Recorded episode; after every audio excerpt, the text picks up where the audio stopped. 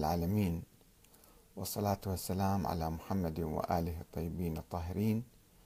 ثم السلام عليكم أيها الأخوة الكرام وعلينا وعلى عباد الله الصالحين. آه، مرحبا بكم في برنامج أنت تسأل وأحمد الكاتب يجيب. ولدينا في الحقيقة عدة أسئلة من آه، الليالي السابقة. وسوف نقسم هذه الأسئلة نقسم الإجابة عليها في حلقات متعددة. وأيضا نستقبل أسئلتكم وإذا آه، أتيح الوقت سوف نجيب عليها اليوم وإذا لم يتح الوقت فسوف نجيب عليها إن شاء الله في الأيام القادمة. لدينا سؤالان من الشيخ عبد الرضا الحمود والأخ علي عباس. سؤالان متقاربان تقريبا. السؤال الأول للشيخ عبد الرضا الحمود يقول هل هناك دولة شيعية حقيقية في الوقت الراهن؟ وسؤال علي عباس يقول هل توجد مرجعية دينية في إيران غير مرجعية السيد علي الخامنئي؟ وأقول للشيخ عبد الرضا الحمود الذي يعني كما فهمت من سؤاله آه، يحاول أن ينفي صفة التشيع عن الجمهورية الإسلامية الإيرانية أو فضلا عن النظام العراقي. آه، ولا يعترف. وهذا تيار موجود في إيران وتيار في الشيعة وربما كان الشيخ عبد الرضا الحمود هو قريب كما أعرفه يعني قريب من التيار الشيرازي الذي يعارض الجمهورية الإسلامية. وربما يشكك بشرعيتها ويشكك ب يعني صفتها الشيعية لأنها حسب نظر بعض الناس لا تسير على خطى الإمام علي في العدل والمساواة والرحمة وكذا. يعني ينتقدونها أنه فيها عنف وفيها كذا. ولكن أنا أتحدث عن النظام الإيراني النظام الدستوري أكثر مما أتحدث عن الأشخاص أو عن الممارسات اليومية التي قد آه، نتفق معهم أو نختلف معهم. وهذا كل واحد عنده مبررة. كل واحد عنده يعني دليلة ومبررة وظروفة. يقول لك أنا اضطريت لاستخدام العنف أو استخدام مثلا كذا أو لوضع بعض القوانين وبالتالي لا أدخل في آه، تفاصيل الحياة اليومية أو الممارسات اليومية التي تصدر من هذا المسؤول أو ذاك. ولكن أحاول أتكلم عن النظام الدستوري. هل الجمهورية الإسلامية الإيرانية هي دولة شيعية؟ أولا خلينا نعرف ما هو التشيع. التشيع هو الولاء لأهل البيت حب أهل البيت والولاء لأهل البيت. عندما كان أئمة أهل البيت موجودين في الحياة في القرن الأول والثاني والثالث مثلا كان الالتفاف عليهم الالتفاف حولهم واتباعهم والمشاركة معهم في الحركات الثورية أو السياسية أو انتخاب أحدهم لكي يكون مثلا رئيسا أو زعيما أو إماما للأمة. هذا كان يعبر عنه بالولاء. أما بعد ذهابهم بعد القرون التالية فالولاء ما له معنى. الحب يبقى. الحب في القلب وهذا موجود عند كل المسلمين. و يعني اتباعهم في بعض المسائل الفقهية اللي قليلة ما يعني تؤثر كثيرا. وهذه مسائل هي ليست من آه، ابتكاراتهم وليست من يعني من وحيهم. هم نقلوا نقلوا آه، روايات عن النبي الأكرم صلى الله عليه وسلم وبالتالي فهذه هذا فقه إسلامي جاء من القرآن ومن النبي مو من عندهم. هم ما عندهم شيء يضيفوه فيه حتى في الفقه. آه، نجي إلى مسألة الإمامية. الإمامية كانوا يعتقدون وهم فريق من الشيعة وليس كل الشيعة. فريق سري صغير في القرن الثاني الهجري. آه، يعني برز إلى الوجود هذا الفريق واستمر إلى القرن الثالث ثم انقطعت به السبل في منتصف القرن الثالث الهجري. هذا الفريق يقول بأن حكام الأمة الإسلامية يجب أن يكونوا معصومين من الله تعالى. أي حاكم يأتي يجب أن يكون معصوم من الله. وهذا المعصوم لا يعرفه أحد إلا إلا الله تعالى. فإذا يجب أن الإمام أو خليفة المسلمين يعين من قبل الله تعالى. ثم يقولون بأن النبي قد عين الإمام علي وأن الإمامة والخلافة تتسلسل في ذرية الإمام علي إلى يوم القيامة. هاي النظرية الإمامية. وهي تشعبت طبعا صارت إسماعيلية وموسوية في أواسط القرن الثاني الهجري. أول ما خرجت هاي النظرية تشعبت إلى شعب عديدة. الشعبتان الرئيسيتان هما الشعبة الإسماعيلية التي نجحت في إقامة دولة فاطمية في شمال إفريقيا ثم امتدت إلى الحجاز وإلى الشام وإلى حتى قريب بغداد. آه هذا خط الإسماعيلي. والخط الآخر الموسوي معروف يعني وصل إلى الحسن العسكري والحسن العسكري ما عنده ولد ظاهر فتوقفت السلسلة عمليا. قال بعض الشيعة بأنه عنده ولد بالسر وسوف يظهر وكذا فصارت العقيدة الاثنى عشرية في القرن الرابع الهجري بعد مئة سنة تقريبا من وفاة الإمام العسكري. هذه النظرية الإمامية تقول أن الحاكم يجب أن يكون معصوم ومعين من قبل الله ومن هذه السلالة وغيره لا يجوز أبدا أن واحد يقوم بثورة أو مقاومة أو يشارك في العملية السياسية أو يأسس دولة أو ما شابه هذا كله ممنوع. حرام لا يجوز. وكل أعمال الدولة أيضا لا يجوز إقامتها. طبعا هذا أدى إلى ألف سنة الشيعة إيه، إيه، يعني ينتظرون الإمام المهدي حتى يخرج ولم يخرج. وفكر هو غير معقول وغير مبني على أسس ثابتة مجرد نظريات وفرضيات ويعني آه، نظريات كلامية. طيب الآن الشيعة منذ عقود من الزمن قالوا بأنه الإمام الخميني بالذات قال أنه آه، من غير المعقول ننتظر الإمام المهدي بعد مثلا آلاف السنين ولا نقيم الدولة الإسلامية فيجب أن نقيم هذه الدولة.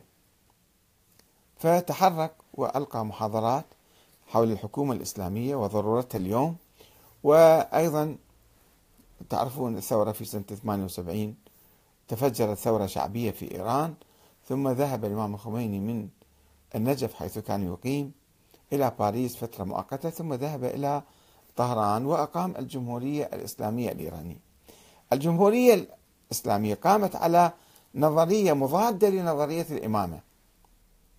طبعا ما يمكن تكون شيعية بمعنى الولاء لأهل البيت لأن أهل البيت ما موجودين حتى تلتف حولهم. تبقى النظرية الإمامية. النظرية الإمامية تقول أنه آه، يجب أن يحكم الإمام المعصوم هذه نظرية الشورى هي ثورة على نظرية الإمامة. تقول لا لا يشترط في الإمام أن يكون معصوم ولا يشترط أن يكون ثم بعد ذلك لا يشترط أن أن يعينه الله تعالى أو النبي أو أحد الأئمة ولا يشترط أن يكون من السلالة العلوية الحسينية. أي واحد من الناس فقيه عادل يمكن يصبح إمام للدولة هذه رئيس منتخب. فأقاموا الجمهورية على أساس النظام الديمقراطي. على أساس الدستور والنظام الديمقراطي فصار عندنا جمهورية إسلامية.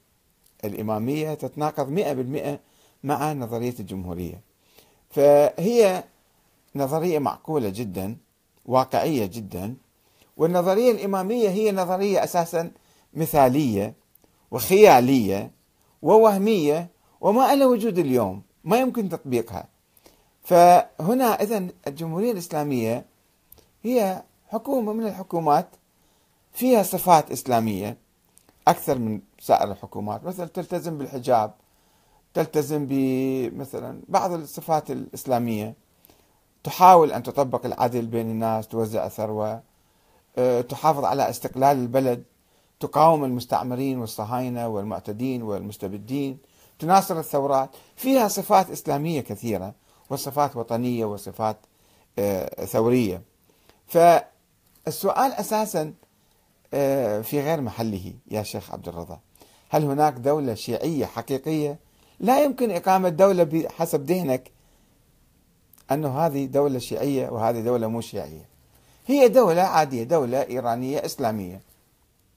فالسؤال أساسا مو صحيح. وبالتالي نجي للعراق أيضا نفس الشيء. من الخطأ وصف الحكومة العراقية بأنها حكومة شيعية. إلا بمعنى الطائفي الميت أن هؤلاء مثلا ينتمون آبائهم وأجدادهم إلى طائفة معينة وهؤلاء إلى طائفة فنقول هذه حكومة سنية وهذه حكومة شيعية. بينما في الواقع هي حكومة ديمقراطية. لا سنية ولا شيعية. فما عندنا إحنا الآن حكومات شيعية بالمعنى التاريخي بالمعنى بمعنى الالتفاف حول أهل البيت لأن أهل البيت ما موجودين ولا بالمعنى الإمامي اللي يشترط شروط مثالية. أيضا ما عندنا هالشروط.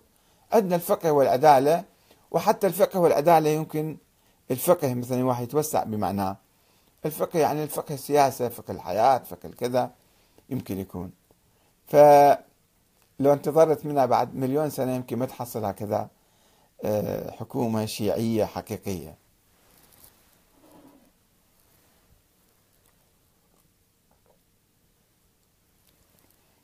نجي على السؤال الثاني. الأخ علي عباس يقول هل توجد مرجعية دينية في إيران؟ هي المرجعية أساسا عند الشيعة. آه، قبل ألف سنة عندما غاب الأئمة وما موجود إمام صاروا العلماء الرواة رواة الأحاديث هم الناس يرجعون لهم يسألوهم آه، الفتاوى والأحكام والمسائل الفقهية. ما كان عندنا قيادة مرجعية ذات صبغة سياسية تقود الأمة وواحد شخص مرجع أعلى ومرجع أدنى مثلا ما كان عندنا الشيء هذا. هذا صار له 100 200 سنة آه، صار عندنا الشيء هذا. آه، وبالتالي هذه المرجعية اللي قامت بأدوار سياسية تطورت في ظل غياب آه، الإمام في ظل نظرية الغيبة.